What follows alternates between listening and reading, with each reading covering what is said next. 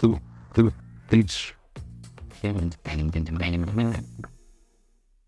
Pozdravljeni in dobrodošli v finančnem podkastu. Moje ime je Adi Omerovič in eh, vsak teden objavljam finančne podkaste v dnevni informativni oddaji Svet na kanalu A. Lahko spremljate vsak ponedeljek rubriko Finančni svet, kjer pripravljam aktualne finančne novice. Vsak torek lahko berete moje finančne komentarje na spletni strani 24.com in ob četrtkih uh, debatiramo o investiranju in drugih finančnih zadevah. Danes o kriptosredstvih vroča zadeva, zato uvodoma naj najprej predstavim današnjega zelo zanimivega gosta. To je Nec Bizjak iz Bitstampa. Nec, lep pozdrav, dobrodošli v naš studio. Živadi. Uh, Bitstamp, mogoče najprej to, če nam uvodoma malo predstaviš, kaj to je. Predvidevam, da 95 odstotkov slovencev pozna to, to je kriptomenjalnica, ena prvih, najstarejših. In uh, kaj pravzaprav ti tam počneš? Med drugim, ti si prišel iz New Yorka, zdaj v Slovenijo, ne? se pravi, si nekje med New Yorkom in Slovenijo. Um, ja, drži, drži. Um, Sprav mogoče najprej na hitro o Bitstampu. Uh, uh -huh. Bitstamp je najstarejša kriptomenjalnica. To pomeni, da mi uh, servisiramo um, različne stranke, institucije uh, in posameznike, ki želijo kupovati in prodajati kriptovalute. Zraven pa ponujemo tudi uh, različne storitve, ki so načeloma temeljijo na, uh, na, temeljijo na kriptovalutah. Mm. Se pravi, ni samo nakup in prodaja, ampak tudi, tudi ostale. Od 2011 je bil stem, tudi je bila ta od Damjana Merlaka, velika uh, kriptomenjalnica, ne? ki jo je potem prodal. Tako, ustanovitelja sta bila um, Nate Skodrič in Damien Merlak, mm -hmm. potem je bila menjalnica leta uh, 2018 uh, prodana, uh, se pravi, belgijskemu skladu, mm -hmm. uh, ki se pravi, ta, uh, kako bi tem rekel, uh, ultimativni lastnik oziroma lastnik um, tega belgijskega sklada, pa je, uh, pa je korejsko, korejsko podjetje. Mm -hmm. uh, Tako da, tako ja, se pravi, 2018 se je zgodila ta sprememba in od takrat uh, smo v lasti, uh, v lasti privatnega kapitala, belgijskega sklada. Zdaj, kot borza, smo pa mi zelo ne, verjamemo v nek transparenten, uh, reguliran razvoj finančnih mm. trgov. Mm. Uh, smo uh, regulirana institucija v, v svetu, imamo 50 licenc. Kar predstavlja kar precejšnje breme, si lahko predstavljaš za, za celo organizacijo, ampak imamo svoj sedež v Luksemburgu, kjer imamo tudi uh, uh, licenco uh -huh. plačil, kot plačilna institucija. Ja, zdaj vem, da imamo v, v Kranju, jaz sem Krančan, ne, imamo tam krožišče uh, z Bitcoinom narejeno. Um, pravzaprav zato, ker so te fanti bili Krančani, ne, ki, ki so v bistvu postavili to. In, in Bitstamp je bil ena prvih menjalnic iz leta 2011, torej, ki je ponujala Bitcoin. Ne. Ja, se pravi, dejstvo je, da se pravi, mi vsa dejstva govorijo naš prid, da smo mi prva menjalnica, ki, ki, ki obstaja. Pravi, najstarejša kriptomenjalnica, malo za nami je nastala kriptomenjalnica Kraken, uh, ki jo uh, tudi mnogi poznajo. Mm -hmm. In res je nastala v Kranju.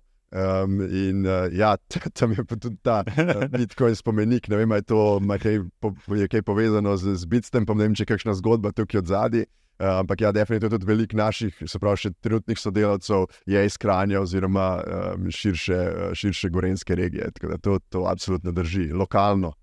lokalno. Uh, ti si se pridlu, pridružil Bitstampu leta 2018. Ja, res je. 2018 sem se pridružil, najprej sem se v bistvu ukvarjal s poslovno analitiko, hmm. danes pa vodim poslovne operacije in, in strategijo. Um, Se pravi, to, to si lahko nekako predstavljate, če imamo na eni strani uh, v komercialnem modelu podjetja uh, prodajo um, in marketing, imam na drugi strani potem ta nekakšen back office, se pravi, uh, zaledne operacije. Um, in in to, to nekako jaz pokrivam, se pravi, se ukvarjamo z razvojem pricinga, um, strategij podjetja um, in potem poslovne operacije, razni procesi, poslovni mm -hmm. načrti. Je skrivnost, če, če mogoče uvodoma, uvodoma pojasniš, koliko je slovencev, recimo, uh, ima nek račun pri Bitstampu? Obstaja ta podatek? Ta podatek obstaja um, in tudi uh, ga lahko delim, da, da smo, delali, smo delali neke analize ne, in, in mi mislimo, da je približno um, mogoče vsak sedmi, vsak osmi slovenec ne, ima um, verificiran račun uh, pri, pri Bitstampu. Wow. Um, seveda, uh, precej, tega, uh, precej teh računov je, je neaktivnih, ampak še zmeraj je to. Uh, govori kar precej o tem, kako um, prepoznavno podjetje je Bitstamp v, v Sloveniji. Uh, Pravzaprav ta cel kriptobiznis je, je slovencem očitno zelo blizu. To, to, če, če rečemo, vsak sedmi, pa samo na Bitstampu je, če tisoč, milijon 400 tisoč aktivnih slovencev, je to 200 tisoč slovencev. Ja, um, da je reč nekje med 100 in 100 in 200 tisoč um, slovencev. Um, in wow. zakaj so ti, dobro vprašanje je, zakaj, kaj so ti razlogi, ki slovence vodijo, da v veliki, um, veliki masi ne, investirajo v, v mhm. kripto in to tudi tako spremljajo. Uh, mogoče je biti tam eden izmed teh razlogov, ker je eno izmed uh, uspešnih uh, podjetij, ne, ki deluje v mednarodnem prostoru, hkrati pa je bilo to, to je vse popolnoma, popolnoma lokalno. Mm. Pa tudi ni edino podjetje. Imamo več projektov, um, kriptoprojektov, ki iz Slovenije prihajajo. Uh, nažalost, nekateri malo manj uspešni, še iz leta 2017, lahko rečemo, vprašljivi. Um, ampak nekateri pa še zmeraj danes obstajajo in delajo, delajo fajn stvari. Um, tako da uh, je to nekaj, kar je velik del um, nekega lokalnega, lokalnega dogajanja. Ja, ja. Um, Zelo velik zanimanje. Zanimivo je, da imamo relativno nerazvito finančno industrijo in je mogoče pa to en proksi, ne, da, da imamo pa neki podjetji, ki delujejo, um, ki delujejo v kriptu, ki so v mednarodnem prostoru relativno uspešni in je pa to neki, nekaj relativno zanimivega. Ne. Mm. Poleg vsega, ne, da kripto ne, je še zmeraj v veliki meri ljudje v to vstopijo, ker verjamejo v neko možnost hitrega zaslužka. Mm. Um, ja, zdaj uh, hiter zaslužek, videli so 20-odstotna rast Bitcoina zdaj v zadnjih nekaj dneh. Um, prihaja iz verjetno tega naslova, da se obeta ETF, spot ETF v Ameriki. Mogoče uvodoma, če najprej gledalcem razloživa, tistim, ki še ne poznajo, kaj pravzaprav sploh je spot ETF na Bitcoin. Um, spravi ETF, kratica. Um, predstavlja, se pravi, Exchange Traded Fund. V, v najbolj enostavnem um, pomenu uh, besede si lahko uh, to predstavljamo kot um, mnogo, mnogo slovencev investira recimo, v te v sklade, uh mhm. -huh. recimo Triglav skladi, NLB skladi uh, in tako naprej. Se pravi, to je ETF. Načeloma je pravi, podobno, podoben um, koncept. Ja. koncept se mhm. pravi, gre za, ne, gre za nek bazen kapitala, ne, ki ima določen, um, se pravi, neka sredstva, mm. ki imajo določen investicijski namen. Mm. Pravi, v mhm. tem primeru ta, so ta sredstva namenjena investiciji v, v spot Bitcoin, se pravi, fizični Bitcoin. Direktno v, v Direktno Bitcoin. V. Bitcoin mm. potem, pravi, oni bojo kupili Bitcoin na mesto tebe. Ne? Ti boš prišel uh, na finančno inštitucijo in rekel, evo, jaz dam uh, svojih 100 dolarjev noter, vi mi date pa toliko bitcoina za to. Ne? In oni bojo opravili transakcijo in v tvojem imenu hranili dejansko bitcoin tam. Ne? Absolutno. Tako, to je, je pa, to. Je pa seveda tudi zelo, zelo pomembna razlika tukaj, da te skladi, ki jih imamo v lokalnem prostoru, to ni nekaj, kar je exchange traded, se pravi ETF je exchange traded fund, to pomeni, da trguje na borzah. Mm -hmm. ne, kar pomeni, da, da so to neki likvidni, uh, neposredno likviden instrument, ki trguje, uh, medtem ko te skladi ne trgujejo. Mm -hmm. In tudi s temi, s temi skladi so ponovadi precej nižji stroški povezani mm -hmm. zaradi, zaradi učinkovitosti. Tako da to je kar precejšen, um, ta instrument je kar pomemben mejnik v samem razvoju. Uh, Bitcoina. In ker to pomeni, uh, uh, za moje pojme, se pravi ta zadnji, um, zadnji korak uh, k legitimizaciji Bitcoina kot, kot nekega sredstva. V tem um, finančnem svetu, finančnem svetu v, v, v širšem. V Evropi že imamo tak spot ETF na, na Bitcoin. Američani ja. zaustajajo v bistvu. Res je, res je. In, in je zanimivo, dobro vprašanje je, zakaj.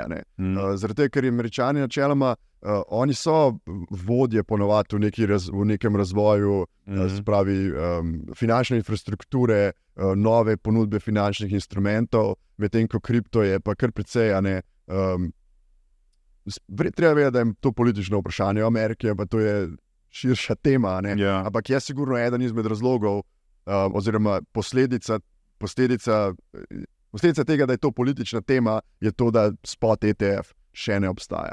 Uh, hkrati pa tudi v Evropi, se pravi, ta mehanizem že imamo, ampak vseeno so mehanizmi vlaganja v Evropi precej manj neposredni. Se pravi, kljub temu, da obstajajo ETF-ji v posameznih državah Evropske unije, je vseeno dostop prebivalstva do teh instrumentov precej Mhm. slabši. Mhm. Medtem ko se enkrat, ko bo ETF, enkrat ta iShares ne, od BlackRock, ko Ja. začne to kotirati, uh, bo, bo kar naenkrat um, to se odpre iz. z- Od, od nič do sto gre zelo hitro. No. To je, a ne, se pravi, ko se to um, lista na neki borzi, ameriški, je, se vsi dobijo dostop. Zdaj, v začetku tedna je bil najprej fake news, ne? Ja. uh, ampak je takrat že poskočil Bitcoin na 30 tisoč, pa smo videli, da je to fake news, malo je pump and dump se je zgodil. Ampak zdaj je spet začel naraščati, ker smo pa videli v, uh, že nek tiker simbol pri BlackRocku. Ne? Res je. Včeraj so, včeraj so pa sneli ta tiker simbol, in danes zjutraj so bile novice, da je simbol eh, dodan nazaj. Ne. To je v tem, uh, to je, ta simbol se je pojavil v, pravi, v, v, v podatkovni bazi um, te institucije, skrbniš, skrbniške institucije. a Ne, Mhm. a ne.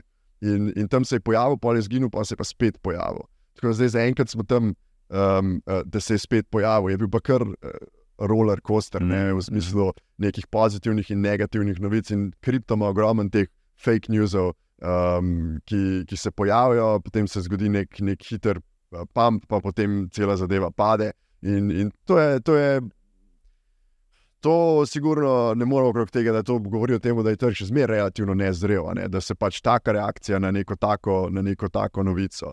Um, ampak kljub temu, jaz mislim, da je bil to v bistvu samo, da jim rečem, češnja na torti, ta spot ETF news. Sprav, Mm. market to pričakuje, um, cela gibanje cene uh, Bitcoina je že bilo, a ne, da se je z vidika tehničnih faktorjev se je že ne, nekako betal napovedoval, da se ta preboj na 32 tisoč dolarjev, kjer je bila ta neka meja, da se to obeta. Zdaj, pribli... pa so pa še vsi ostali faktori, ki trenutno so, a ne veter v jadra eh, Bitcoinu, od Mm. um, se pravi makrofaktorjev, um, ki so pravi ameriška fiskalna situacija oziroma globalna fiskalna situacija, in potem pa stanje v ciklu. Ne? Ker Bitcoin ima tudi nekaj, kar imamo ta štiriletni cikl, ne maja, zdaj je halving. Halving, ja. kar pomeni, da se bo um, ponudba Bitcoina na trgu zmanjšala. Um, to to vpliva na ceno zelo. Je imelo vpliv na ceno. Uh, Da še malo ta BlackRock izpostaviti. Ne? To je zelo pomemben player. Um, za tiste, ki ne vejo, oni dnevno premikajo več trilijonov uh, dolarjev. Ne? Cel ta kriptotrg, celoten je pa vreden okoli enega trilijona. Ne? Glej, Ja. to, da si ljudje znajo predstavljati, Ja, kaj, kaj to BlackRock je pomeni. največji asset manager na svetu. Um, se pravi, to je, to je največja finančna institucija na svetu. ne. Oni upravljajo, nimam konkretnih podatkov, kak, koliko sredstvi upravljajo, ampak si predstavljate, to kar konkreten uh, procent, uh, ne samo, uh, to je konkreten procent vseh sredstev na trgu, vseh obveznic, vseh delnic, vseh uh, ne, surovin in vsega. Oni, oni, oni s tem upravljajo. In ko se taka institucija odloči, ne, ko gre CEO BlackRocka, um, Larry Fink, gre na, na, na televizijo in pač uh, pove, ne, da, da, da oni pa podpirajo Bitcoin in reče, in reče ne, da ker predstavlja alternativo današnjim možnostim, Mm. je to kar močno sporočilo, ne, da gre in v bistvu postavlja, bom rekel, um, da, da, da to zastopa in tudi svoj socialni kapital ne, in svoj ugled nekako na to ne, po- po- postavijo na, uh, um, na, na display, če se lahko tako Ja. izrazim. a Ne, in rečejo, da ja, to pa je res nekaj, ta mali asset. Tukaj je um, 700 milijard, koliko je market cap uh, Bitcoina, ampak ima potencijal. a ne. To je kar, je kar ve- velika, pomembna, pomembna zgodba. ne. Mm. Mm. Um, da, ja, pa ni samo BlackRock, ne, tudi Fidelity je. Um, kaj pa ne vem, drugi ali pa tretji. Seveda, Če ne- vsi bojo vsi se zdaj sledili. zlagajo v to. Kako bo to infrastrukturno izgledalo? Prek koga bojo oni dejansko to kupovali? Je tle Coinbase v igri tudi in kje ste vi, menjalnice potem v tem Ja. špilu? Se pravi, um, kar vemo danes je, da, da uh, menjalnica Coinbase um, in specifično njihova institucionalna, njihov institucionalni biznis uh, bo, um, bo, bo ponudnik oziroma bo servisiral to. Um, se pravi, to BlackRockov, BlackRockov ETF, kar pomeni, da, bodo, da se bodo nakupi spod Bitcoina izvajali prek uh, uh, platforme Coinbase Prime. Um, oni bodo uporabljali nekaj, če mi rečemo, um, smart order router, se pravi, neko, to je neka tehnologija, ki kupuje, ki pogleda v vsakem trenutku, kakšne so cene na različnih menjalnicah tega Bitcoina, ki ga jaz danes želim kupiti, in kupi tam, kjer je cena najboljša. In ena izmed menjalnic, ki, uh, ki bo posredno videla tudi uh, nakupe, uh, nakupe tega Bitcoina, je tudi, je tudi Bitstem. Uh, mm -hmm. Po vsej verjetnosti. Uh, Sprav, vemo, kako bo, flow, kako bo ta veriga izgledala, um, in vemo, da smo pač povezani v ta sistem, ki bo kupoval te kovance. Ali lahko zmanjka bitcoinov? Ne? Če je lahko to naročilo, ta popraševanje po bitcoinih tako veliko, da. Uh... Mislim, zmanjka jih lahko. Vemo, koliko jih bo. Ne, vemo, da jih bo 21 milijonov. Ja. In jih lahko zmanjka, potem takem, ja, seveda. Ampak kaj to pomeni? To pomeni, da bo ravno to je pomembna karakteristika Bitcoina, tako kot zlata, ne, da ne moramo mi dva danes se odločiti in ga več skopati brez da eno financiramo eno uh, zelo drago operacijo. Ja, ne, ja. Rudarjenja. Ne. In enako je z Bitcoinom. 21 milijonov je, se pravi, zlato, načeloma, če naredim to primerjavo, um, ima nekje 2-procentno letno inflacijo, um, historično, ne, se pravi, vsako leto se glede na obstoječo rezervo, um, 2% dodatno nakoplja. Ne. In vse ostalo nad tem, historično ni, ni bilo mogoče brez vložko denarja, ki ti ne povrnejo investicije. Mm. Ampak, če se vrnem pa nazaj na, na Bitcoin, Bitcoin pa ima določeno v, v svoji kodi, da jih bo največ 21 milijonov. In ima tudi, se pravi, ta, kako, kako, se nova, uh, se pravi, kako se nov supply na trg uh, sprošča, je, um, se pravi, te podatki so, so dostopni. Torej, ali jih lahko zmanjka? Um, se pravi, ja, lahko jih zmanjka. Se pravi, če povpraševanje um, močno, preseže, močno preseže ponudbo, oziroma uh, ponudbo tistih, ki so pripravljeni prodati, potem to se seveda v, v, v veliki rasti cene um, mora odraziti. Ja. Kaj pa, če sploh ne bo popraševanja, tudi to se izpostavlja, da, da je zdaj to sam nek hype, da bojo oni omogočili, ampak tisti, ki pa so pravzaprav že hoteli kupiti, so ga že kupili. Ne? In zdaj v bistvu uh, ti ne bo nekega dodatnega vprašanja. Tudi to si izpostavlja, recimo, ne, kot druga opcija, eh, drug konc palce. Ja, uh, je zelo možno, uh, mis, tako bom rekel, ne, popolnoma tega ne vemo, so pa določeni faktori, uh, ki, uh, zaradi katerih lahko verjamemo, da bo to, uh, da, da to bo dodatno popraševanje, um, se pravi, ustvarjeno. Zakaj? Zaradi tega, ker danes sicer obstajajo na trgu že te proksi, oziroma vem, gremo lahko investirati v, v recimo, imamo Grayscale, Grayscale uh, Bitcoin Trust, uh, obstaja. Ne? Pravi, to je že neko, nek, uh, neko investicijsko vozilo, vehicle, investment vehicle, ne, ki lahko. Um, Ki, um, ki je ETF-u podoben. -huh. Mhm. Imamo delnice, lahko gremo kupiti Coinbase, lahko gremo kupiti različne, če verjamemo v Bitcoin, lahko gremo kupiti delnice različnih uh, podjetij, ki se ukvarjajo z rudarjenjem. Uh -huh. To že mhm. danes, danes mara rajot. Tako. Tako. Ja. Mm. A, tako. Ampak je pa ta ETF, spod Bitcoin ETF, um, nekaj, kar um, se prej ni bilo, kot sem že rekel, ne, to je legitimizacija, ne, to je ta zadnji. Uh, ne, Mejnik tega, da se to, da se to legitimizira, in hkrati ETF, visoko likviden, upamo, ETF, ki ga sponzorira BlackRock, ima, to, to, je, to bo dostopno večjemu bazenu investitorjev. In, in tudi, ne, če imamo nek, ne, vsak, vsak, investi, um, pravi, vsak investicijski svetovalec, ne, um, vlaga skladno z njegovim mandatom. Ne, in vlaga v neke instrumente, ki so pač legitimni, ki, za katere so se uh, odločili, da je, da je ustrezno, imajo ustrezno tveganje. In, in uh mhm. -huh. et, tak ETF sigurno je primerno, um, ne, primerno um, se pravi, primeren spet investment vehicle, v katerega nek asset manager lahko uloži, uloži svoj denar, ker je pač popolnoma legitimno. Hkrati pa uh, dobijo dostop do tega tudi vsi mali vlagatelji, recimo v Ameriki, se pravi vsi um, pokojninski skladi in tako naprej, ne, bodo lahko uh, to investicijo uh, naredili. In tudi nekdo, ki zdaj, če tako razmišljamo, nekdo. Um, Poprečen vlagatelj ne, ne, v 40-50 letih uh, uh, um, vrčuje, za, vrčuje za pokojnino. Ampak oni res um, račun na, um, na, um, na Coinbase ali pa na Bitstampu. Kar se naše demografije tiče, bi rekel, verjetno ne.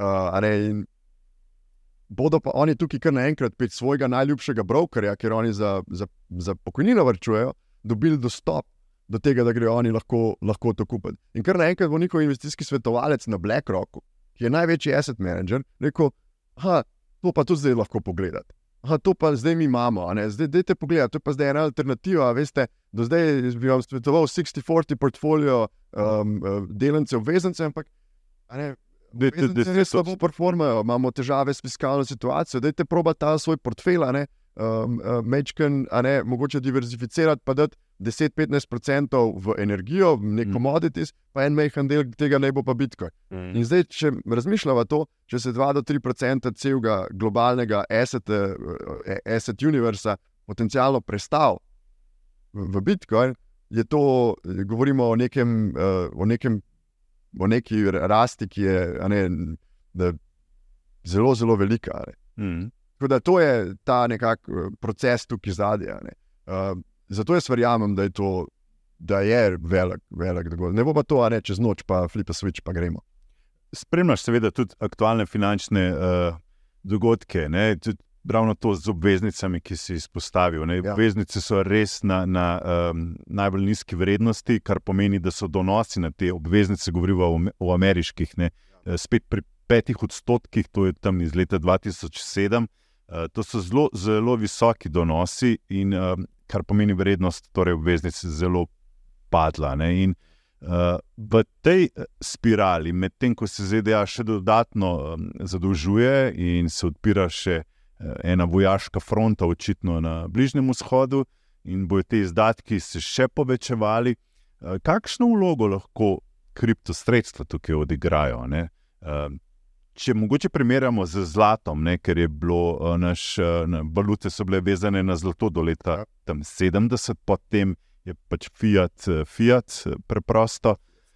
Uh, in zdaj uh, se spet uh, te pojavljajo, bi imeli lahko neko pomembno, pomembno vlogo, vem, če bi prišlo do, do večjega kreša ali pa celo do neke hiperinflacije, ne, če bi recimo ZDA začel, začela reševati svoje banke, spet tiskati denar in bi inflacija preprosto po celem svetu um, razplantela se. Ne? Oziroma, bi, bi, zato, da bi zaščitili dolar, mislim, da bo dolar tisti, ki bo zadnji padel. Ne? Cel svet bo prej v hujši inflaciji, kot je uh, dolar v ZDA. Ne? Ja, se strinjam. Um, jaz verjamem, da je definitivno ta global macro, oziroma ameriška fiskalna situacija, pa da je globalna fiskalna situacija, pravi zadolženost, uh, zadolženost uh, držav, ne, sovereign debt, ne, da je definitivno uh, to um, eden, izmed, um, eden izmed vetrov uh -huh. uh, v, v jadra, spet Bitcoin in ostale kriptovalute, jaz tukaj uh, malo čujem, um, predvsem, predvsem Bitcoin. Uh, in in z, zakaj, zakaj tako mislim? Je pa malo ta, ki si že začel govoriti, je um, ta te, teorija denarja, oziroma kako je dolar postal ta svetovna rezervna valuta, ne, in kako se pač, uh, kako se pač zdaj ta, ta dinamika odvija. Ne, če, zgodovinsko je nekako tako bilo, ne, da uh, dolar je prva rezervna valuta, ki uh, ni um, podprta z ničemer, razen z obljubo. Um, se pravi, centralne banke, da bo spoštovala svoje, svoje obveznosti. Kako pa je dobil uh, svojo današnjo veljavo? Je pa, je pa eh, tako, ne, da se pravi v lokalnem prostoru, če sem, jaz, če, sem, če jaz sem tisti, ki izdaja ameriške dolarje, um, lahko v svoji domači državi to precej enostavno. Um, se pravi, zagotovim, da se bo, to, da se bo, da se bo dolar pač uporabljal, ne plačilno sredstvo v prometu in relativno enostavno. Kako pa jaz pripravim um, neko državo tretjega sveta, pa Evropsko unijo, pa vem, vse ostale, uh, da bodo tudi dolarje uporabljali, pa da ne bodo evrov v mednarodni trgovini. In kar je Amerika takrat naredila, je šla in je rekla, in se je dogovorila s Saudsko Arabijo. Je v bistvu svetovni največji proizvajalec nafte, da bo vso svojo nafto prodajala v dolarju, v zameno za precej bogate pomoč ne, uh -huh. strani, strani Amerike. Ne. In potem se je v bistvu tako začela, ne, da se je tisto, tisto rezervno sredstvo, se pravi, vsi ti dolari, ki so jih ljudje, um, ne, ki so jih dobivali za, za prodajo nafte, tretje države, prodajo drugih proizvodov, so jih oni reciklirali v ameriško obveznico. In ta ameriška obveznica je ratala rezervno, ne, je nadomestila base money, ja. isto zlata. Ne, zdaj se, kar se pa potem začelo dogajati, da pa kar se je še zmeraj zgodilo v zgodovini, ne, spet uh, zmeraj, zmeraj enako, je, da je pač tisti, ki je, ta, uh, ki je imel to moč, da upravlja s tem denarjem, ne, je začel početi fiskalno neodgovorne stvari. Spravi se je preveč zadolžil. Amerika ne, je načeloma um, ne, kupovala proizvode in njihov glavni izvoz je, bil ta, je, je bila ta obveznica. In je načeloma uspela svojo to, um, svetovni primat vzdrževati s tem, da vsakeč, ko so zadeve Um, ne, ko je nekdo ni, ni, ni bil v pravilih, smo ga izključili iz dolarskega sistema, ali pa smo, uh, um, je, je cena vrednosti dolarja zrasla do te mere, da v bistvu je si lahko ne, praktično prisilil gospodarstvo v kolaps v nekem ekstremnem primeru. Mm. Se, um, in zdaj smo pa tle v neki točki, ko se je pač Amerika pa nekako zadolžila do te mere. Da, da, da situacija postane vzdržna, oni imajo 1,7 trilijona um, deficita. Ja. Skozi govorimo o teh trilijonih, ne sem že prej, prej to so v bistvu po slovensko bilijoni. Se reče, ja, ker ima čut, ampak tu je tisoči milijard. Ja. 100 milijard. Ja. Tako, ja. Se pravi, biljen striljen. Ja, ja, ja, prosti, ja, se pravi, eh, prišli smo do neke, do, do neke situacije, je, kjer je Amerika uh, prezadolžena, um, kar pa praktično pomeni, da um, se pravi, na eni strani, ali mora, um, mora se financirati s tem, da, da izdaja, um, izdaja dodaten dolg. Hkrati, pa ko je Amerika prezadolžena in v slabi pač fiskalni situaciji, se te naravni kupci ameriških obveznic, se pravi, držav, red, ostali svet. Um, se pa zaradi tudi nekih geopolitičnih trenj in ostalih dejavnikov, mm -hmm. um, se, um, umika, se, so, se umika kot kupec.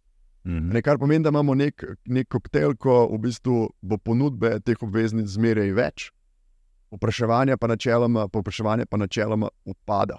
In to vodi v, v, neko, v neko krizo, um, ne, moraš, ki, ki vodi v rast obrestnih mer.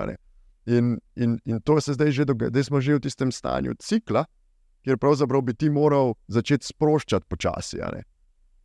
Ampak si pa ne moreš prvoščiti sproščanja, zaradi tega, ker sproščanje bo spodbudilo inflacijo, ki je še zmeraj nismo umirili.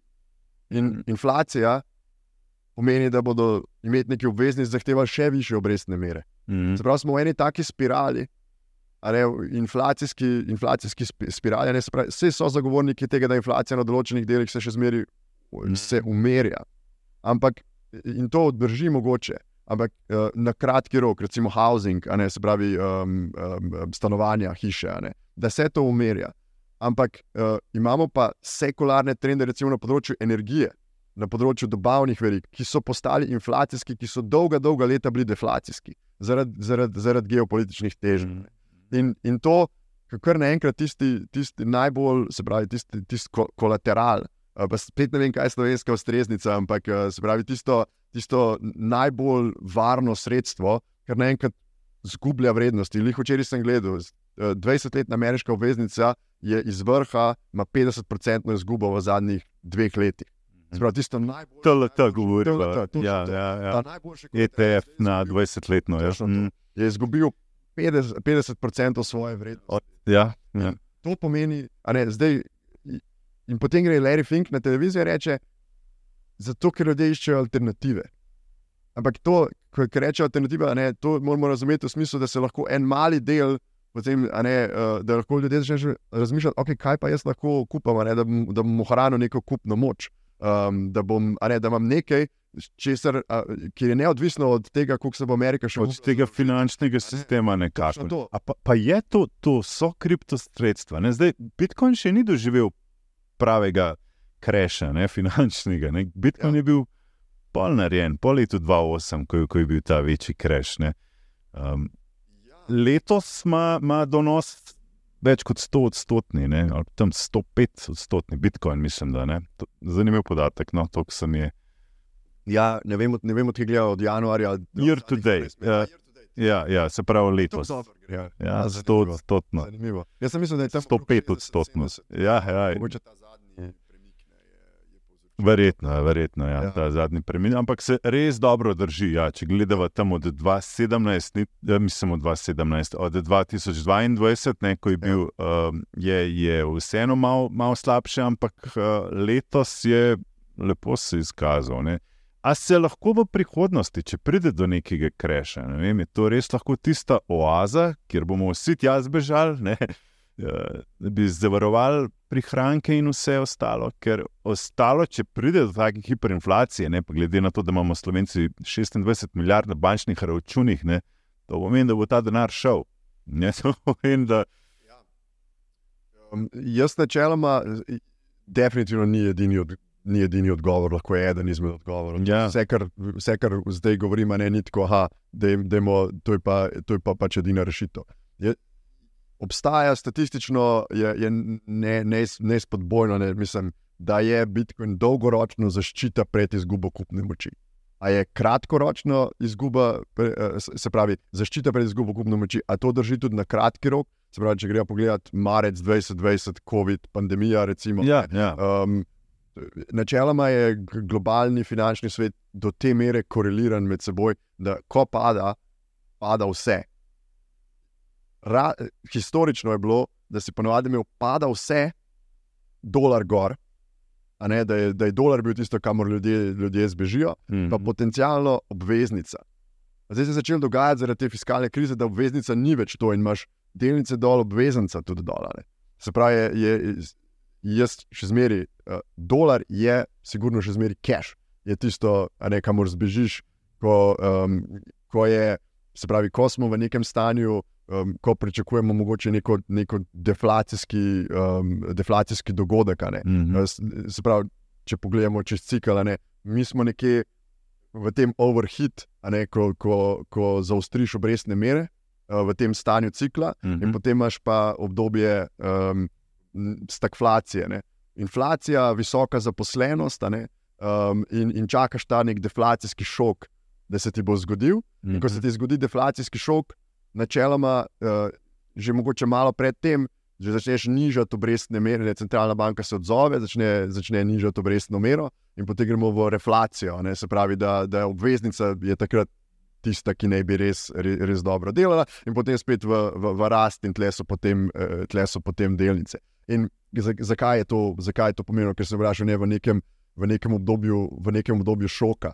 Je, jaz mislim, da smo mi nekje med overhitom in stagflacijo. In v, v stanju, kjer so obrestne mere že zelo, zelo visoke, količina denarja v obtoku načeloma se zmanjšuje, in re, Bitcoin pa še zmeraj zelo dobro performa. Uh mhm. -huh. Boljš kot vsi ostali asset klasi. Pravi, vsi makroindikatorji bi načeloma nam mogli počasi začeti govoriti, da uh, zdaj bi pa to res mogli padati. Ampak načeloma jaz mislim, da se ravno zaradi te fiskalne situacije vprašljive um, vse zdaj zlaga za nek, za nek, uh, nek bikovski trend uh, uh, na, na Bitcoinu. Mm. Spet, a, a bo zdaj nek šok, pa bojo delniški trgi padali za 20%, Bitcoin iz tega sigurno ne bo izuzet. Pač to bomo šli vsi naenkrat, vse naenkrat bo šlo dol. Mm. Uh, ampak predvsem moram reči, da glavno presenečenje in tudi zlato. Zato in Bitcoin, oba z, v, v nekem, ne, s tem, da je zato veliko bolj zrel trg, vprašljivo, če ni do določene mere eh, kontroliran, zato so neke špekulacije, jaz mogoče v to ne verjamem. Ampak podobno, ne, ko imaš ti visoke obrestne mere, načeloma, zakaj bi držal nekaj, kar nobenih obresti ne nosi? Razen če ne verjamem, da vse tisto, kar nosi obresti, ni prav dobra rešitev, ker tam kupno moč zgubljam. Mm -hmm. To je nekakšna zanimiva dinamika, ki se, ki se, ki se dogaja. Kaj pa uh, izdaja teh uh, digitalnih valut strani centralnih bank, ne CBDC? Ja. Uh, tudi uh, naša Evropska centralna banka napoveduje digitalni evro. Um, to so um, lahko izrinejo Bitcoin, lahko na neki točki prepovejo. Recimo. Ja, eh, prepo, prepovejo ga, sigurno lahko. Se pravi, če, če začnem na koncu, sigurno se prepoved lahko zgodi. Ja. Um, je pa nekako tako, da um, bi ljudje znoreli, verjetno. ljudje, znorel, ljudje bi znoreli, pa jaz mislim, da je tako. Ne? Če obstaja nek, mislim, da je, da je zdaj manj verjetno, seveda, z vsemi temi ETF-ji, pa, pa, pa tako naprej. Ampak ne, lahko bi se zgodila neka politična opcija, ki pa je absolutno proti, ne, pa proti temu, neka mogoče finančna represija. Ki pa želijo centralizirano uh, vladavino Ja, pa podočnost. Pa malo mal posega v vaše človekove pravice, ne, v, v smislu, preko prava, ne neka svoboda, svoboda te, no, ne, se pravi, pravica do premoženja in tako mm. naprej. Pravi, mal, to so neki pol grobi posegi tudi v zasebnost in tako naprej. Verjetno s, s tem bi se to, to bi se na tak način v političnem prostoru mm. uh, verjetno odrazil. Zdaj, CBDC, jaz, eh, kako, kako je izgledalo, to, to je kot eh, digitalni evro. Um, to je to lahko prinese po eni strani mnoge učinkovitosti um, proti kešu. Zaradi tega, ker bi mi lahko vse plačevali, vsa plačila izvajali preprosto, se to že danes počnemo. Prek svojega telefona, s tem, da pač uh, centralna banka, monetarna politika, dobi nek precej bolj neposreden mehanizem uh. -huh. za upravljanje, upravljanje, opravljanje monetarne politike. Uh -huh. uh, se, so pa tukaj hkrati tudi vodil velike učinkovitosti v smislu optimizacije um, vse te strukture ne, um, bančništva, ne, ki je precej neoptimizirano, precej zastareli sistemi. In sigurno je digitalni, digitalna, um, se pravi, CBDC. Um, Central Bank Digital Currency, sigurno korak v smer optimizacije in razvoja. So pa res vprašljivi tukaj te faktorje, ki sem jih pa že malo omenil, so te posegi v posegi v zasebnost. Um, in, in te, um, bi temu rekel, nekaj tako, um, da se premikamo v nek hudo kontroliran svet, neko tako utopijo. Mm. Obrise, česar že vidimo, recimo na kitajskem. Mm. Ampak v nekem ekstremnem primeru ti bi lahko teoretično z uvedbo. Um, Se pravi, uh, nekega digitalne valute centralnih bank bi lahko um, ne, odpade potreba po komercialnem bančništvu, se pravi po, um, po institucijah kot so Nova Ljubljanska banka, Unicredit in tako naprej, ker načeloma imam jaz kot eh, račun direktno pri ECB-ju. Ja, ja. Če so ne rabiš, nič drugega. Mm. Tam dobim kredit, vse lahko pač tam. In oni ti rečejo, da do konca meseca porabi plačo ali pa denar zgine. To so pa, te, to so pa ta, ta utopična, ne, uh, utopična stanja, ki ja. jih nobeden, nobeden ne želi. Ne? Um, in, ampak, ja, ja, to je res ta Black Mirror, ki je bilo že nekaj, ja, ja. v bistvu nimaš dovolj točk uh, in ne moreš sploh kupiti hrane. Ne, ker si, ja, tako lahko si bil. ja. Ja, uh, scary. Ampak definitivno ne, gremo v blockchain. Ne, se pravi, izpostavlja se ta Web3. Mogoče če tle razloživa, da pravzaprav ta kriptosredstva so tehnologija, no, nov, nova oblika tehnologije, ki bo, hočeš nočeš, ne del naše prihodnosti. Ja, na različne, na različne načine. In uporabnik tega, um, tega ne bo um, opazil. Uh, se pravi, aplikacija blockchain. Jaz mislim, da je aplikacija blockchain tehnologije uspešna takrat, kadar uporabnik ne ve, da jo uporablja. Ja. No, takrat, takrat smo načeloma naredili produkt, um, ki ga ljudje kupujejo, zaradi tega, ker je dober. Ne, ne zato, ker je pa ima pač neko, neko specialno tehnologijo. In ko se bo blockchain, oziroma ko se bodo kriptovalute, sredstva uspele premakniti od, od tega, da aha, jaz kupujem to, kar je kripto, uh, do tega, da je to zdaj, aha, to je pa res dober produkt, ki je boljši od tega, kar sem prej nekje videl. Um, takrat, takrat ne, je, je načeloma tehnologija kot taka, kot taka uspešna. Recimo, če spostavimo nekaj konkretnih primerov, uporablja se pri eh, sledljivosti recimo, izdelkov, vse čas ja. to sledi v zavarovalništvu, recimo, ne vem, ko, ko se neka uh, ujma zgodi, ne, lahko ti nek smart contract avtomatsko že nakaže denar, brez agentov posredovanja in ne vem česa. Ne. Se pravi, stvari so zelo transparentne, zelo lahko avtomatske, hitre, olajšajo življenje. Um, um, dobavne verige, še Ja. taka zadeva. No, se to si že mečkam tudi omenil. Ja, ja. Potem, um, potem imamo, se pravi, finance in premikanje denarja je, ne, to je Wow, ja, mi, perfektno. naša borza od ponedeljka do petka dela. ne. Ja. Zdaj, z Se novo tehnologijo bi pa lahko 24-7, se pravi, vse čas. ne, tudi Ker kripto deluje vse čas, vse čas lahko. eh, Ja, lahko povem za, za, za en primer, ne, kako ka- neka konkretna uporaba eh, kripta. Ne. In to mi malo vidimo, ne, ker recimo, um, pravi, živimo v Evropi, um, ko si plačujemo med seboj, imamo flik. Uh, pa je super, ne, uh, pa si mi dve lahko na hitro nakažemo, a ne, Ja, ja. um, zadeve med seboj, pa vsi imamo evro, kamorkoli gremo na Hrvaško, potujemo tako naprej. Ampak, Ja, ampak premikanje denarja čez mejo, ali pa že, že samo čez mejo, ali pa sploh med različnimi kontinenti, ja, res velik izziv za ogromen, ogromen ljudi na, na, na svetu. In okrog tega se je razvila masovna industrija, ki iz, izkorišča zelo, zelo velike premije. Ne Vem, med 2,5 pa uh, tudi double digit, uh, ne se pravi, uh, se pravi do 10 in več procentov. eh, Zato, da pošljem denar, recimo iz Slovenije v, um, ne vem, v Mehiko.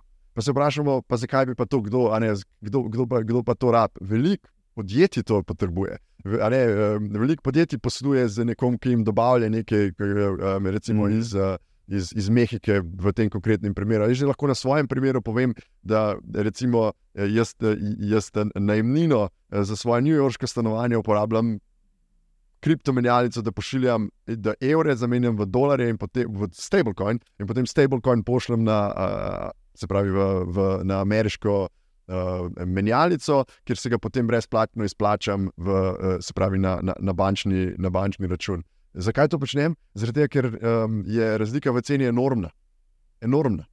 Um, se, ker je to eno nakazilo v, v, v, v Ameriko, uh, stane um, em, 5% je sam exchange rate, pa pa še neko, uh, se pravi, neko, se pravi, sam ta razlika v tečaju, a ne, da lahko kupim dolarje na banki, pa pa še dodaten fi, ki mi ga, pravi, uh, ki mi ga banka zaračuna. mhm. In, in to je taka preprosta aplikacija te tehnologije, kako je lahko veliko bolj učinkovita, ampak mi tega ful pogosto ne vidimo. Ne. ja. Je pa zelo aktualno.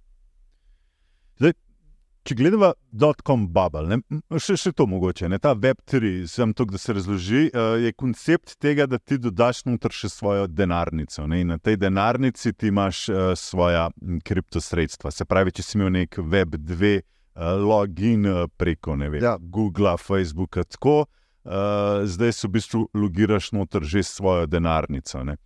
In, Ja. uh, če gledamo dotcom bubble, ne, se pravi, nek uspon takrat interneta, ne, internetnih strani, um, veliko uh, nekih firm, ki so imele dobre rešitve, so propadle. ne Vem, in Google je recimo bil eno od tistih, ki je bila neopazna, pa je zrasel. Ne. Tle lahko hočemo vprašati. Se lahko zgodi, da bo Bitcoin kolapsnil, mogoče kot neka zastarela tehnologija, da ga bo nadvladal Ethereum ali pa nek drug uh, kriptotehnološko bolj dovršen produkt. Ja, um, do, dobro vprašanje. Se Pravi, mogoče najprej na hitro Web3. a ne. Um, Ja. Se pravi, Web3, tako kot si, tako si rekel, ne, to je, če internet beri in piši, je tukaj nekako, kar beri piši, eh, sodeluj, ne še svojo denarnico in postaneš lahko deležnik ne, v, v, teh, uh, v teh projektih uh, ali pa v teh omrežjih. recimo. Mm. Če, za, preprosto, če razmišljamo o Facebooku kot um, o neki zadevi, kjer lahko preberem, pa nekaj napišem, pa, nekaj, pa še neke funkcije upravljam. Ne, tukaj lahko pa um, je pa beri, piši, sodeluje, pa v bistvu, da lahko um, prek teh mehanizmov, ki so lahko tudi kriptokovanci, lahko postanem um, soudeleženec ali pa soodločevalec, recimo v, v nekih odločitvah, ki bi jih zdaj pa spet uporabljal Facebook, eh, ki bi, ki bi jih delal. Lahko recimo sodelujem, ne vem, naredimo. Um, eh, da me en tak primer, da se lahko tisti, ki želi, d, d, držijo nek delež v svoji denarnici, um, tega, da je reč temu Facebook, Facebook že tola, lahko glasujejo, kako bo izgledal uh, naslednji. Um, ne vem, naslednja iteracija nekega uh, UX-a, se pravi, experience, kako bomo dizajn naredili spletne strani. Recimo, ne. Mhm. Se pravi, neki, nek del nekih odločitev, to je spet en tak mal mogoče banalen primer, ampak lahko tudi v pomembnejših odločitvah sodelujejo, glasujejo, kako se sredstva razdelijo in tako naprej. Se pravi, to je ta, to je ta Web3 participacija, Web3 koncept, kar uporabniku daje možnost, da je bolj udeležen um, v, v, nekem, uh, v nekem projektu, hkrati pa ne, lahko temu rečemo monetizacija hobijev prostega časa. Mm -hmm. Se pravi, ne, da, da naš čas, ki ga vložimo, ne, ker ne vem, objavljamo neki, uh, ne vem, kreiramo nek kontent ali karkoli, da smo za to, ali pa sem, ne, smo, ne vem. Scrollamo ogromno po Facebooku, da dobimo iz tega nekaj nazaj. Hmm. Vse monetizacijski mehanizmi v Web2 obstajajo, ne, kar, je, kar je tukaj treba reči, da so spet te mehanizmi, ki koristijo samo enemu, um, eventualno, se pravi, tudi delničar uh, Facebooka, medtem ko lahko v nekem drugem primeru pa koristijo nekemu širšemu spektru, spektru deležnikov. Je. je pa to eh, spet nazaj na ta uporabniško izkušnjo, dokler ne bo uporabniška izkušnja v Web3, nekaj, kar boš ti uporabljal, ne, bo praktično um, enaka. Boljša, ne, boljša. Enaka. Verjetno ta koncept bo težko popolnoma, mm. uh, popolnoma zaživel. Zdaj, izpostavlja se tle gaming, ne, da bo v gamingu prvič to, se pravi, vsi gameri, da bodo začutili to monetizacijo preko tega. Zdaj, zgodil se je recimo X-Infinity, uh, ja. igra, kjer so dejansko uh, ti si kupil par teh likov, ne, kot NFT-jev, ne teh mačk. In si jih hranil, in z njimi si potem igral, in si dejansko služil denar. Ne? In um, to je bilo za nekatere, recimo, kjer je poprečna plača v Afriki zelo nizka, eh, lep mesečni donos, dejansko se je izkazalo. Ne? In uh, ja. se je prvič pokazalo, da v bistvu tudi igranje igre je lahko uh, dejansko job za ljudi po svetu ne? in da se ja. že um, dogajajo veliki premiki. Se, se strinjam. Uh, blockchain tehnologija je, um, je, ima dobro. Se pravi, ima dobro aplikacijo na, na, na gaming, Um, je spet uh, monetizacija prostega časa. Uh, je pa treba biti previden, kako se to naredi, ker pri gamingu so pa tudi ostali faktori izjemno pomembni. Ne? Tam mm. se je pa zgradil nek, nek komunity, neka skupnost, ne nekih zelo privržencev, privržencev določene igre. Ki so tam zaradi tega, ker so te podjetja, ki igre ustvarjajo, zgradile neko uporabniško izkušnjo, ki so jo mhm. potem izpopolnjevale leta in leta. In, in, in če ti pa nek nov, um, se pravi, da um, prineseš v to blockchain tehnologijo, pa neke koncepte, ne vem, monetizacije, pa ta, se pravi, in-game items, se pravi, neke, um, ne vem, uh, da imaš v, v igri lahko, um, se pravi, da kupuješ in prodajaš določene, določene zadeve. Um, ne vem, kaj so to lahko, razna orožja ali pa ne vem, karkoli že. Da, če, ko to prineseš noter v igro, um, ne sme poslabšati uporabniške izkušnje, zato ker cela igra in cel koncept je tukaj zgrajen na te uporabniške mm -hmm. izkušnje. Ampak lahko pa dos, dosežemo, recimo, da so pa določene zadeve med različnimi igrami prenosljive in imamo vse, ne, vse to lastništvo določenih uh, de, teh elementov je zelo jasno zapisano v, v, eni, ne, v, enem, v, enem, v eni knjigi, decentralizirani knjigi, in je potem to lahko prenosljivo med različnimi igrami in tako naprej. Tega, tega potencijala tukaj je veliko. In uh, hkrati pa tudi ta koncept, ki si ga omenil, ne uh, play to earn, se pravi, da, um, da ljudje um, s tem, ko uporabljajo svoj prosti čas. Kupiš nek NFT, ki ti prinaša denar, pol, ta, ta koncept se mi je zdel zelo zanimiv. Tudi to, tudi, tudi to je lahko. Um, in spet, jaz, kako, bi, kako bi to pogledal? To je, to je zelo, lahko zelo privlačno, po drugi strani pa spet tisto vprašanje, ne? Kje se pa to neha. Ne, kje se pa ta um, ne, skeptiki lahko rečemo, da um, ne, kje se pa ta hiperfinancializacija, se pravi, hyperfinancialization, kje, kje se to neha.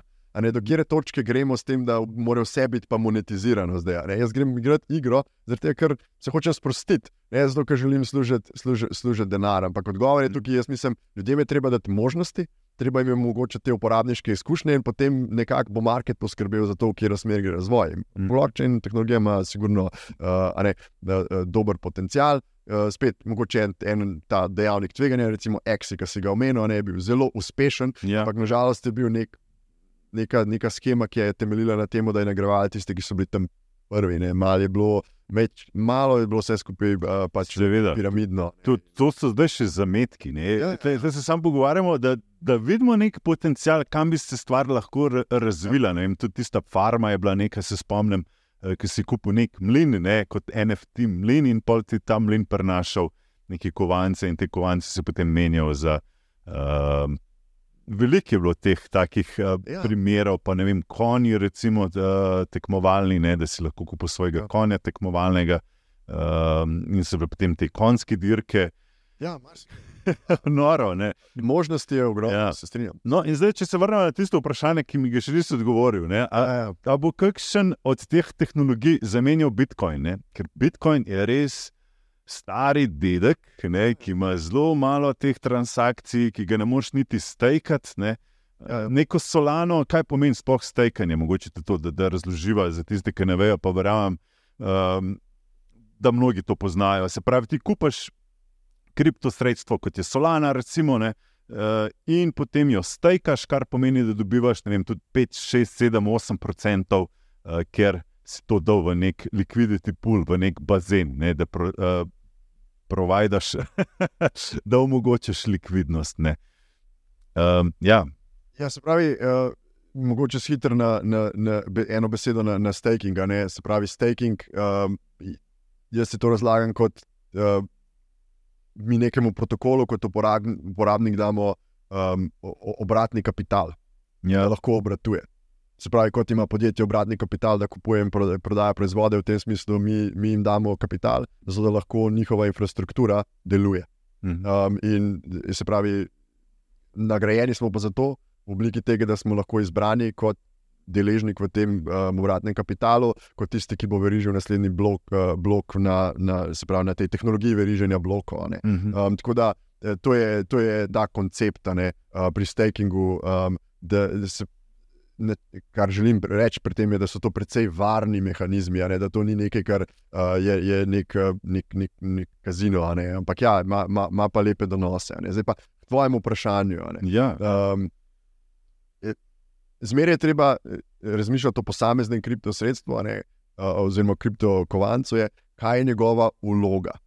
In, in se pravi, kakšno, kakšno vlogo opravlja. Ne? In če, če, uporabimo, če uporabimo spet neko analogijo, ker je la- lahko na ta način razložiti, recimo, imamo zlato. Kakšna je vloga zlata? V neki mali meri se jih uporablja za nakit, v neki večji meri ima pa to monetarno premijo, da ljudje verjamejo, da je to tisto, kar ne, se pravi, da je nek, nek denar, ki se ga ne da razvrednotiti, se pravi, ta monetary hardness, ki je zelo trden denar.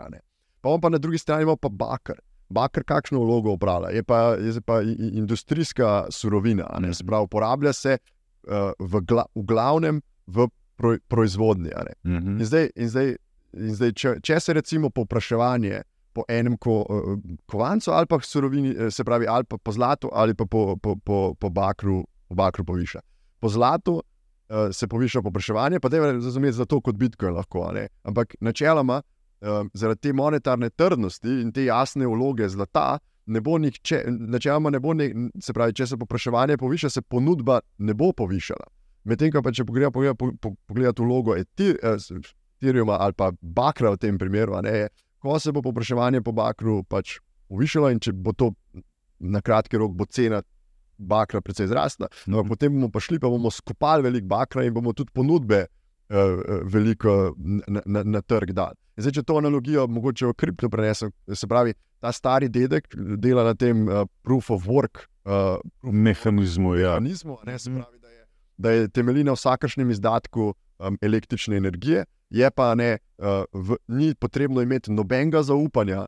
Uh, spravi, ne, ne ra, meni ni potrebno zaupati tebi, da se bo, ne, da bo nastal naslednji blok um, uh, Bitcoina, se pravi, je trustless, ko, kot rečemo, ne, immutable, ne da se ga spremeniti, tudi če bi ga želeli, mora nastati konsenz vseh tistih, ki operirajo ta network, da bi se, to, da bi se potencijalna sprememba lahko zgodila. Hkrati pa ima to vlogo, da je trden, ne more ga več nastati. Zdaj, če pogledamo vse ostale kriptovalute, eh, vsaka ima svojo legitimno vlogo, ampak nobena pa nima teh elementov, ki jih ima recimo, recimo Bitcoin. Ethereum, ne, Ethereum želi opravljati nekaj, če bi jaz rekel, internet, komputer, se pravi računalnik, računalnik interneta preko tega koncepta smart kontraktov, a ne da je lahko v bistvu nek, eh, nek motor, ki Ja. poganja mnoge aplikacije. Ja. Hkrati pa želi prek tega mehanizma, ne, um, se pravi, ki so ga spremenili, so šli, oni so šli s Proof of Work, ki je bil prepočasen za, to, po, za ta namen, da sem jaz lahko ta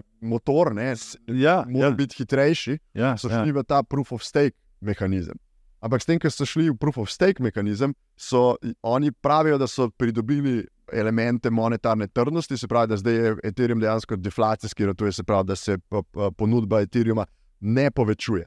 Ampak s tem, ko so pa šli stran od tega in iz tega mehanizma proof of work, so pa odprli, so pa odprli. So pa, po mojem mnenju, odprli nova tveganja, povezana pač s tem protokolom. In zdaj, zdaj, kar naenkrat je pa Bakar želel biti tudi zlato, če spet grem nazaj na ne, in vse, vse fino, ampak imamo pa tveganje, da bakar ostane bakar in da ne bo nikoli zlato. Na, na, na ta način, zakaj? Ker ta proof of, proof of stake, po mojem mnenju, je dober mehanizem, ampak za drugačno aplikacijo. Mhm. In, in, že, in zdaj to lahko prenesemo še pa naprej na, na Solano. To je pa, ne, um, mislim, da ima dejansko Solana uh, proof of history, se pravi, ampak načeloma spet staking, um, staking mehanizem.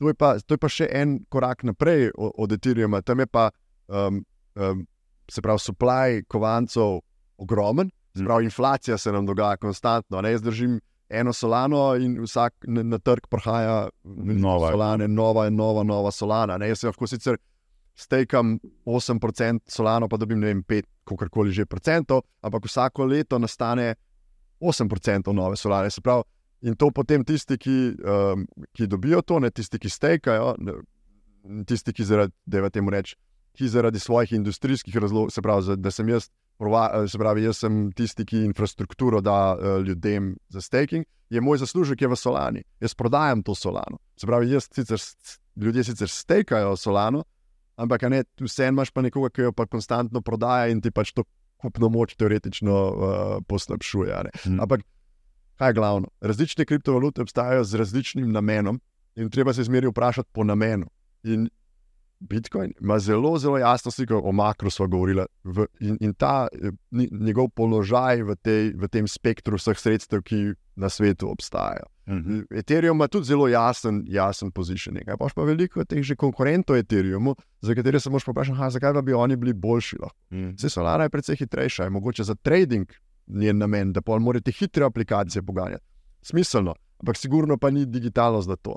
Da to je, ne, uh, zato jaz mislim, da se, da ne, um, jaz sem se nekako v tem rekel, ne, stars are aligned, v, trenutno se mi zdi za, za, za Bitcoin, Ethereum, mislim, da ima zelo jasen pozicionik, pa se treba pa napre, od primera do primera vprašati, ne, kaj je namen posamezne kriptovalute, kaj želi doseči in naj ta namen res legitimen na tisoče teh kriptovalut ja. in vedno nove prihajajo, in so tudi tehnološko bolj dovršene, in vedno bolj in bolj.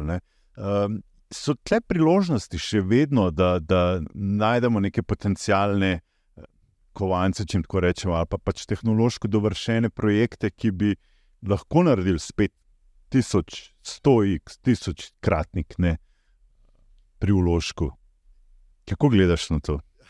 Ja, jaz, sem, jaz sem tukaj, um, kako, kako gledamo to, lahko, ampak je pa treba, treba je pa vedeti, se pravi, uh, da je to pač kazino. Da je to načeloma, se pravi, novi projekti eh, nastajajo vsak dan, um, vsako uro, izjemno enostavno je narediti nov projekt. Uh, zakaj je kripto tako zanimiv? Tudi zaradi tega, ker je to nov način formacije kapitala zelo enostavno je zbrati večjo količino, relativno enostavno, ni zelo enostavno. Uh, je zbrati neko večjo količino kapitala za določen namen.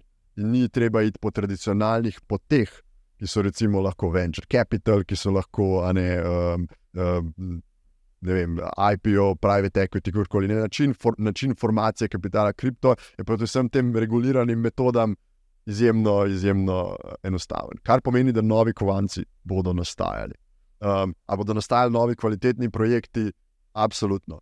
Kar, kar bi jaz rekel, je, da treba je narediti, ampak treba je narediti pač svoj, svoj research. 99% tega bo, bo šlo na nič, ne? bo padlo. Bo. Um, Ravno zaradi tega, ker je trg tudi tako dinamičen in dopušča, nažalost, še zmeraj toliko uh, nekih igralcev, ki nimajo, uh, ne, uh, nimajo nekih dobrih, uh, dobrih interesov, želijo na, na hitro, hitro obogatiti. Mm. To, to se izpostavlja, da bo mogoče dejansko samo enih osem uh, kriptovalut preživelo, ne vse ostalo, da bojo.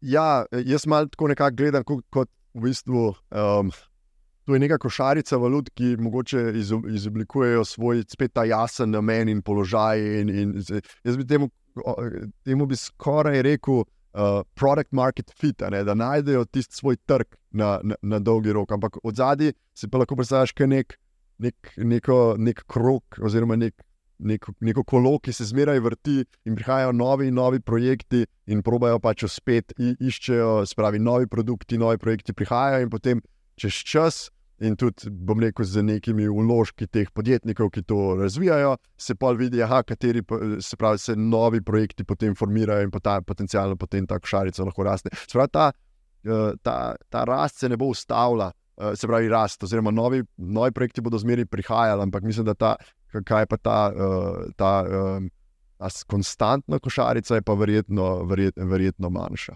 Je pa znotraj teh novih projektov, bodo pa uh, glede na tvoje vprašanje, um, bodo verjetno projekti, ki bodo res naredili dobre, dobre donose, seveda, je pa to, uh, spravi, nekaj, nekaj, kar treba razumeti, da so to zelo visoka tveganja. Zaradi ravno teh razlogov, da je ta trg dostopen vsem, da se lahko, ne, da ni potrebno nekih struktur, struktur načeloma postaviti, velike stvari deluje na nekih prihodnih obljubah in tako naprej.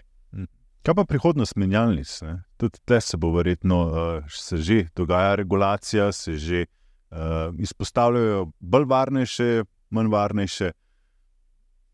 Ja, trenutno bi nek ta spektr menjalnic delil na, na tiste, ki delujejo, uh, se pravi, offshore, oziroma izven, kaj to pomeni offshore, je izven uh, nekih. Uh, jurisdikcij z zelo razvitimi um, pravnimi regulatornimi sistemi in tisti, ki delujejo v takih sistemih, se pravi onshore, to je onshore, offshore. Ta, Terminologija tega. Ja. Mhm. Zdaj, kaj so ti razviti legitimni pravni sistemi, Evropska unija, Amerika, od azijskih trgov, Avstralija, Singapur, Hongkong, recimo Japonska, tudi ne, mm -hmm. je zelo zaprt trg. Po, po. Tam so se razvili, tam so, ne, tam, to so tudi finančni centri, ne, uh, svetovni finančni centri. Tam, tam lahko um, igralci v finančni industriji z neko dobršno mero predvidljivosti delujejo, tam, mm. tam obstaja neka, neka varnost. Ne.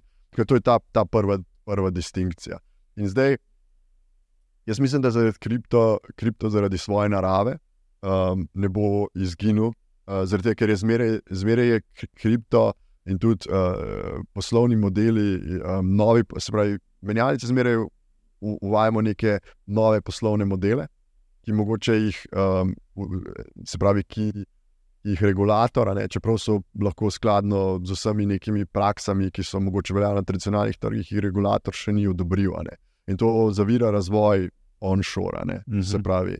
Kar pomeni, da jaz mislim, da trg offshore ne, ne, ne bo izginil, uh, bo, se pa, bo se pa v določene mere premaknil v bolj, v bolj reguliran, reguliran svet. Tudi, če pogledamo veliko imenjalč, da je pogled Coinbase. Coinbase je lanciral svojo ponudbo derivativov, um, jo sicer imajo ameriško, ampak zaradi tega, ker niso mogli uh, uh, lancirati tega, tega um, produkta, ki se mu reče Perpetual Swap. Um, se pravi, uh, tega, kako se to kot en CFD uh, predstavlja, ne, se pravi, Contract for Difference. Um, se pravi, so šli to lansirati um, v Bermuda, mislim, da ne, ja. torej avtorite. In so šli, zakaj? Zaradi tega, ker so ugotovili, da vsi to imajo, večina volumna je tam, ameriški regulator pa tega ne pusti narediti. In potem, se pravi, imam dve opcije, izgubljam konkurenčnost in tržni delež, ali pa pač grem tja in naredim vse po, po, po, naj, po najboljših močeh, legitimno, ali oni so podjetje, ki kotira na, kotira na borzi zelo, zelo regulirani, ampak pač so se odločili z namenom, to, da bo lahko hiter produktni cikl, inovacijski cikl spodbujali, so zaradi tega se premaknili izven Amerike, zaradi ravno tega regulatornega, regulatornega stanja. Je pa treba vedeti, da pa če verjamemo, da je naslednji val v kriptu institucionalen, se zaradi tega tudi ta dinamika moči bo bolj, bo bolj premaknila, premaknila onshore. To se bo pa seveda malo v navskrižju s tem, kriptolibertarijan, s tem liberalnim duhom kripta, ne, ki bo zmeri želel ostati malo v senci. Zato je to tudi nastalo, te, ker v osnovi je kripto nastalo, zaradi tega, ker je. Si hotel distancirati od, tega. Pravzaprav pri 2.8 smo bili ne, in takrat se je kripto pojavil ravno zaradi teh mahinacij bančnih. In zdaj spet gledamo isto zgodbo. Ne. Edward Snowden je ravno zdaj na Bitcoin konferenci izpostavil, mislim, da prejšnji teden to ne. Spet se svet ruši ne, in mi se spet kanoji glavo v pesek tiščimo. Ja, um, ja. Zanimivo. Uh, čisto za konec, še časa nam je zmanjkalo, še ogromno vprašanj imam. Ampak nec, um, kako sestaviti nek kriptoportfelj? Um, sem prebral en zanimiv komentar. Uh, mi imamo tudi naš svetov portfelj, kjer imamo vloženo in v delnice, in nekaj v surovine, in tako v ETF, seveda. Um, in je nekdo napisal včeraj, da ja, se če bi dal čisto vse denar v Bitcoin, bi imeli ful večji zaslužek. Lahko bi se tudi obratno zgodilo in bi imeli veliko izgubo, še skozi želimo biti zelo konzervativni v našem portfelju. Uh, se da nek konzervativen kriptoportfelj ustvariti? Ja, in tukaj verjetno, glede na najmanj pogovor do zdaj, uh, govor ne bo nobenega presenetil, če se da če govorimo o konzervativnem kriptoportfelju, je to sigurno v zelo veliki meri, ne, 80 odstotkov bi ta portfelj bil sestavljen iz Bitcoina in, in Ethereuma, ravno zaradi tega namena in položaja um, v, na, na trgu, ki sta jasna. Ne. Se pravi, lahko skoraj da razmišljamo o nek 60-40 portfolio, mogoče Ether in Bitcoin. Da, um, če verjamemo v razvoj uh, Web3 tehnologije in tako naprej, je Ether eden izmed teh vaših proksijev če pa verjamemo v, v nek, nek Bitcoin, kot, se pravi, da verjamemo v te monetarne karakteristike kripta, kon, konkretno Bitcoin. Ne? In tej tezi je pa, je, se pravi, je pa to potem Bitcoin. Mm. Tako da to bi bil, potem pa ne, če pa ste seveda kot posameznik bolj uh, naklonjeni tveganjem, ne, pa potem nek manjši ali večji delež portfelja lahko gre v neke visoko kvalitetne, portfelj, uh, visoko kvalitetne projekte. Mm v nekih nišah, za katere verjamemo, da imajo potencial, um, oziroma v katerih ima blockchain tehnologija potencial. Tudi o teh smo govorili, lahko se pogleda, lahko se pogleda gaming, lahko se pogleda um, DeFi, lahko se pogleda, ne vem. Um, Gaming, DeFi, sta sigurno dve, dve tako. Lahko se recimo tudi NFT pogleda, ki so konceptualno um, zelo, zelo zanimivi, ampak je treba pač pogledati. Ne?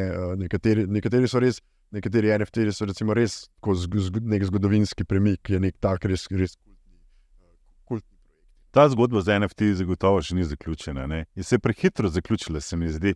Ja. Uh, mogoče se je tudi par let prehitro to zgodilo.